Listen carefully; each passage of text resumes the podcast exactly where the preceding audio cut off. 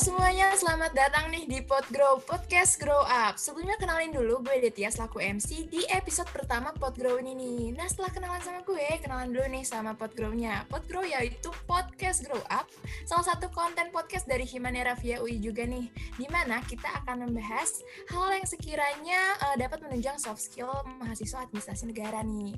Nah maka dari itu, kali ini nih kita mengangkat topik mengenai gimana sih cara mulai bisnis dari nol nih.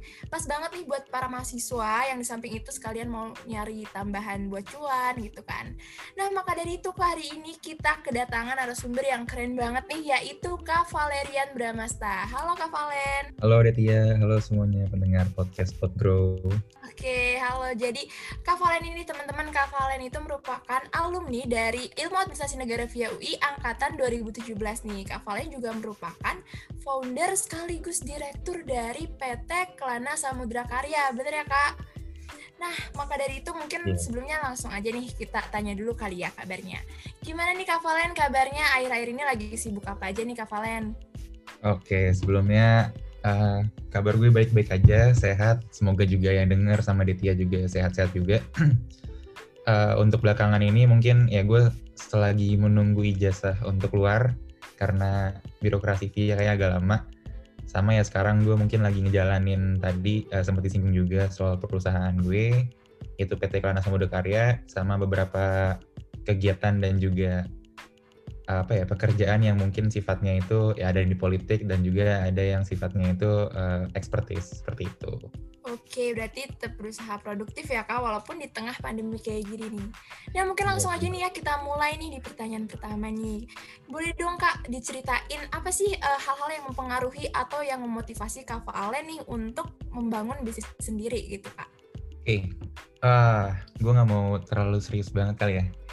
Jadi pertama-tama uh, kenapa alasan gue untuk membangun suatu bisnis khususnya uh, perusahaan gue sendiri itu sebenarnya gue terinspirasi dari banyak orang yang uh, udah gue temuin.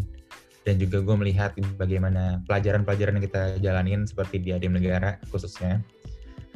Uh, pasti kita pasti sering dengar yang namanya bisnis, pajak, lalu juga pemerintahan. Tiga sektor itu kan akan terus bersinggungan tuh segala macamnya. Dan gue yakin bahwa ya manusia itu memang membutuhkan ibaratnya material gitu. Walaupun uh, banyak orang pasti akan deny bahwa ya kita bisa bahagia tanpa materi segala macam tapi ya suka tidak suka mau nggak mau untuk menjalankan kehidupan ya kita butuh yang namanya keuangan yang stabil uh, pertama-tama alasan gue membuat bisnis ataupun bangun bisnis yang pasti awalnya adalah gue uh, pengen mengembangkan dan juga ingin apa ya membantu orang-orang uh, di sekeliling gue untuk bisa bekerja dan mendapatkan uang.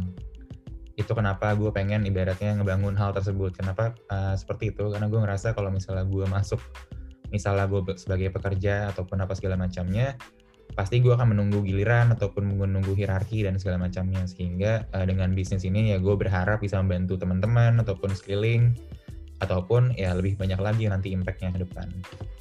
Oke, wah berarti keren banget nih ya teman-teman setelah kita dengar dari alasan Kak Valen sendiri untuk bangun bisnisnya nih. Nah nih mungkin pertanyaan yang paling ditunggu-tunggu nih kayaknya yang paling inti gitu. Uh, kira-kira Kak Valen apa aja sih tahapan-tahapan yang pernah atau yang harus Kak Valen lalui nih untuk bangun bisnis nih Kak Valen? Mungkin bisa juga nih sekalian untuk jadi motivasi buat teman-teman yang masih ragu untuk mulai bisnisnya gitu Kak Valen.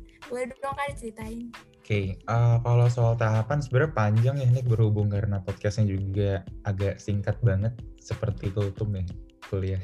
Bedanya 15 menit atau 10 menit. Uh, kalau tahapan sebenarnya panjang, gue nggak bisa melaborasikannya dengan uh, di sini mungkin. Tapi uh, highlightnya pasti yang ada yang pasti gue pasti bakal merencanakan ibaratnya bisnis proses lalu proposal seperti apa kalau misalnya kita belajar nanti uh, ada di matkul mungkin kayak Eva Pro itu sangat sangat amat berguna lah evaluasi proyek itu segala macamnya. Kita belajar soal bisnis model kanvasnya. Nah hal tersebut pasti uh, ada pasang surutnya namanya pekerjaan ya gitu.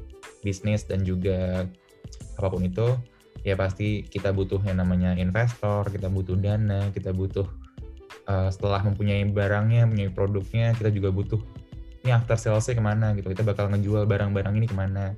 Ibaratnya klien kita siapa aja. Nah hal-hal seperti itu kan pasti butuh uh, proyeksi dan juga perencanaan yang selalu baik, sangat baik lah. Ya, nah hal-hal seperti itu mungkin yang perlu dijaga. Dan yang kedua yang pasti ya komitmen ya. Karena apa pun ya nggak perlu bisnis lah ibaratnya. Kita kuliah pun penuh perlu komitmen gitu. Apalagi yang bentuknya bisnis yang sifatnya pastikan profit oriented ataupun ya keuntungan basisnya.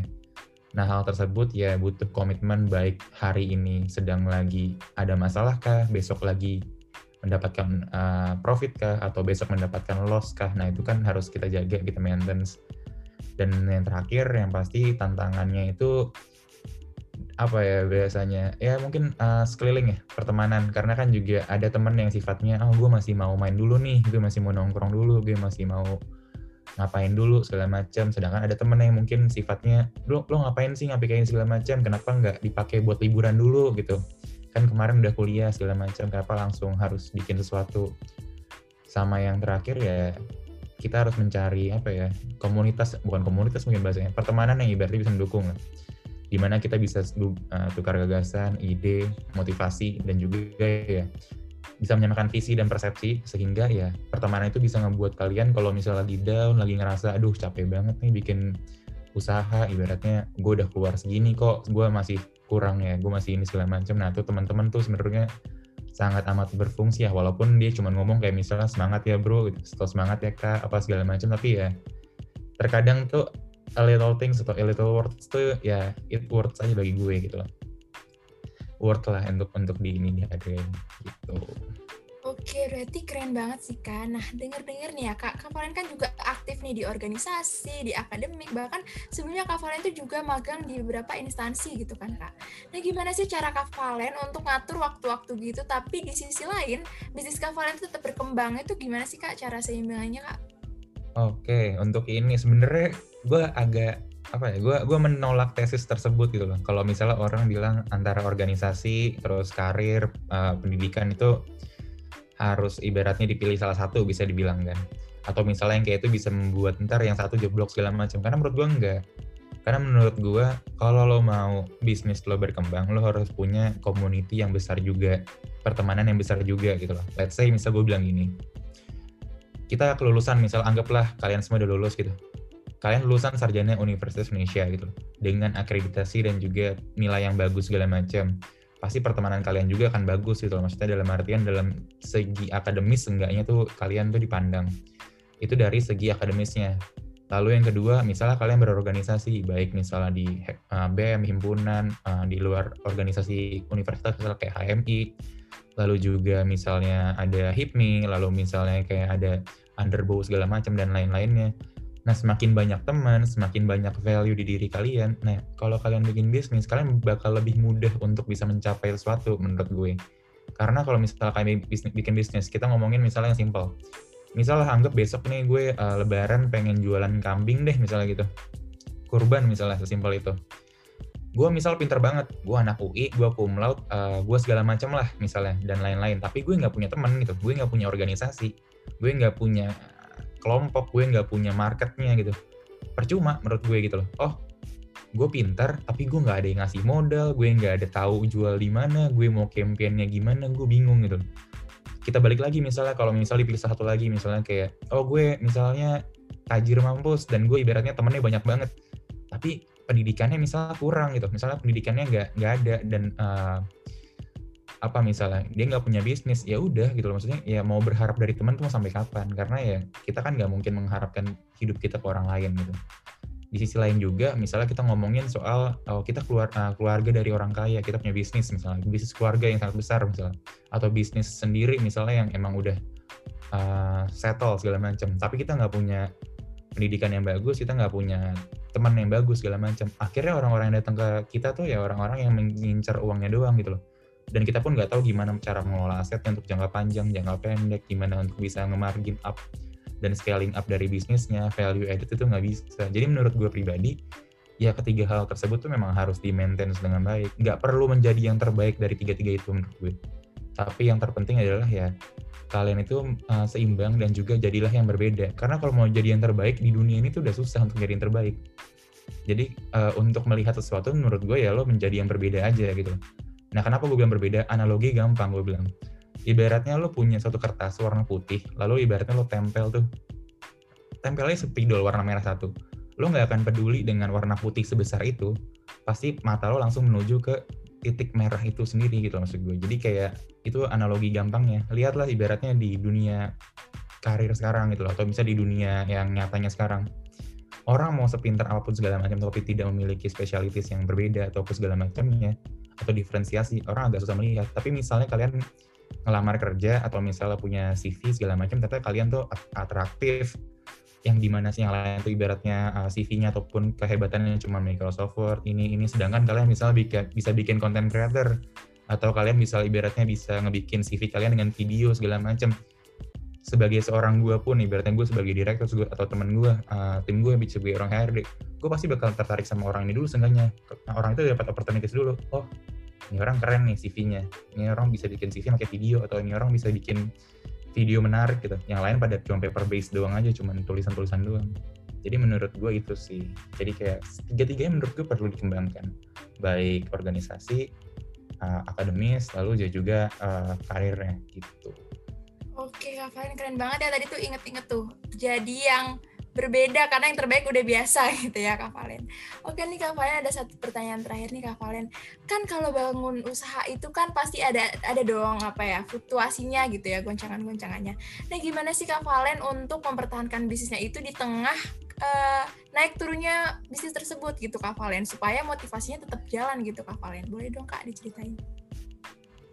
Itu bisa gue jawab dengan panjang, bisa gue jawab dengan pendek. Kalau misalnya gue jawab dengan pendek, sebenarnya simple apa pun langkah lo ketika lo capek di tengah ataupun setelah sebulan setelah lima bulan setelah setahun kalian mikir aja udah kayak pas kalian mau bikin itu atau kalian pengen komitmen itu kalian tuh se apa ya se tertarik apa kalian tuh semangat apa gitu aja sesimpel lah menurut gue yang kayak lo punya ambisi masuk UI gitu ibaratnya ya. terus kalian sekarang di semester 4 kah semester 6 semester 2 apa pun itu lah kalian mau di semester berapa kalian capek segala macam dan lain-lain ya udah kalian tinggal buka handphone kalian kalian buka Instagram ataupun foto kalian. Pertama kali pertama kali kalian pakai jakun kalian tuh lihat gitu. Kalian tuh sebangga apa pas megang itu gitu loh. Ya udah kayak lo hargain aja itu gitu loh. Kalau misalnya kalian udah hargain itu ya gue rasa ya lo harus perlu tetap mempertahankan itu gitu loh.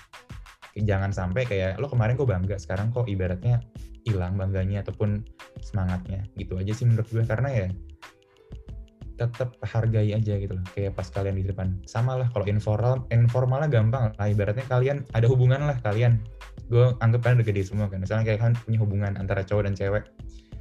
Berantem lah di tengah segala macam bla bla bla bla bla bla gitu. Ya udah kalian inget aja ya pas zaman PDKT itu kayak gimana gitu maksud gue dua-duanya ya jangan salah satu doang maksud gue kita makan hati. Dua-duanya lah maksud gue kayak lihat uh, di masa PDKT kayak gimana pas ngejernya gimana buat gue setelah ibarat kalian lihat dan kalian itu ya kalian hargai gitu loh oh gue pernah kayak gini oh gue seperti ini perjuangan gue tuh kayak gini loh gitu. Segala macamnya kayak gini. Nah dari situ kalian langsung evaluasi lalu ya udah lakuin lagi yang terbaik. Pasti menurut gue ya namanya fluktuasi itu ada nah itu pun pasti ada obatnya gitu loh. Ya menurut gue nggak ada. Ibaratnya Tuhan aja selalu bilang dia nggak akan menguji manusia tanpa uh, di atas batasnya mereka gitu apalagi sifatnya yang bisnis gitu loh yang ibarat kita yang ciptain juga gitu Oke, di keren banget nih ada uh, nyambi ilmu percintaan juga tuh tadi ya. Tuh. Nah, oke deh Kak, mungkin terakhir nih boleh dong dikasih closing statement singkat aja Kak buat acara Potgrow nih Kak. Gimana tuh kalau dari Kak Valen? Oke, okay, dari gue. Dari gue untuk acara Potgrow uh, satu gue mau melunturkan sebenarnya obrolan ataupun konsep ataupun pemikiran ya atau point of view dari anak-anak adem negara bahwa kalian tuh sebenarnya lulus nggak bakal atau kan nggak bakal lah. Nggak cuma jadi PNS doang kok maksudnya gitu loh. Kalian tuh sangat amat banyak sebenarnya gitu. Dan gue pun udah membuktikan gitu. Gue hadir di sini apa segala macam pun membuktikan.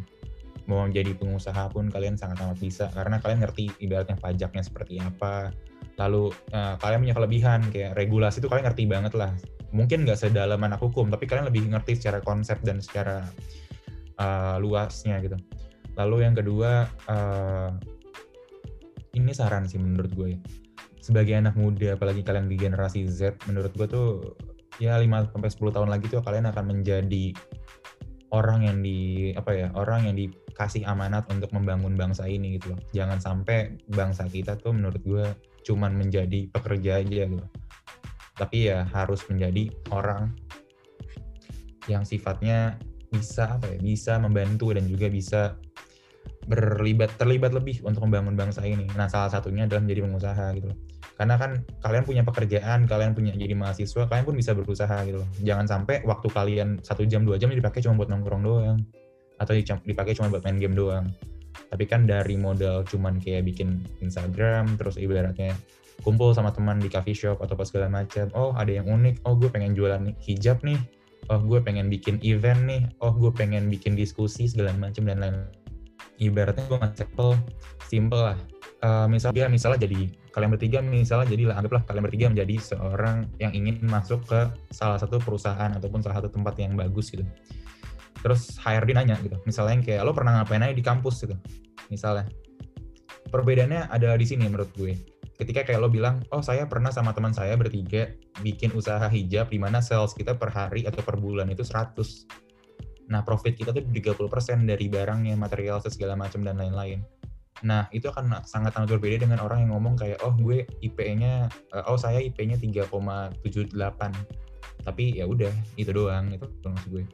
Karena ya kalau misalnya sorry to say, lo mau ngomongin IP segala macam, ya udah gitu. Ya udah masuk kuliah, belajar, uh, baca buku segala macam pun pasti bakal IP bagus gitu aja sih. Jadi kalau menurut gue, selagi kalian bisa kumpul, kalian bisa apa ya, kalian bisa nongkrong bareng segala macam tapi bikin juga project dong gitu. Kayak ibaratnya sekarang tuh konsep dan mikirnya tuh kayak gue kumpul, nih gue harus tahu nih gue keluar harus ngapain.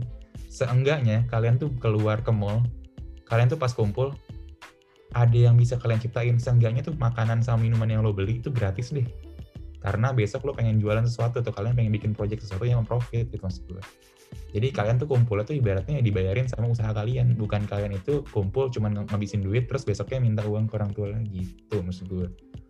Itu aja sih bagi gue. Semangat buat anak-anak Himanera dan Adil Negara. Oke, keren banget nih ya teman-teman, insightful banget nih. Tapi sayang sekali karena kita sudah di penghujung acara nih. Nah, tapi sebelum itu aku mau ngucapin dulu nih makasih sama Kak Valen karena sudah menyempatkan waktunya untuk hadir di kesempatan pada kali ini Pak Kak Valen. Terima kasih Kak Valen, semoga sehat selalu dan sukses terus ya Kak. Nah, uh, sebelumnya mungkin aku mau ngingetin nih buat teman-teman untuk selalu dengerin dan nantikan episode-episode Podgrow selanjutnya. Nah, akhir kata saya Detia selaku MC pamit undur diri. Terima kasih dan sampai jumpa. Dadah!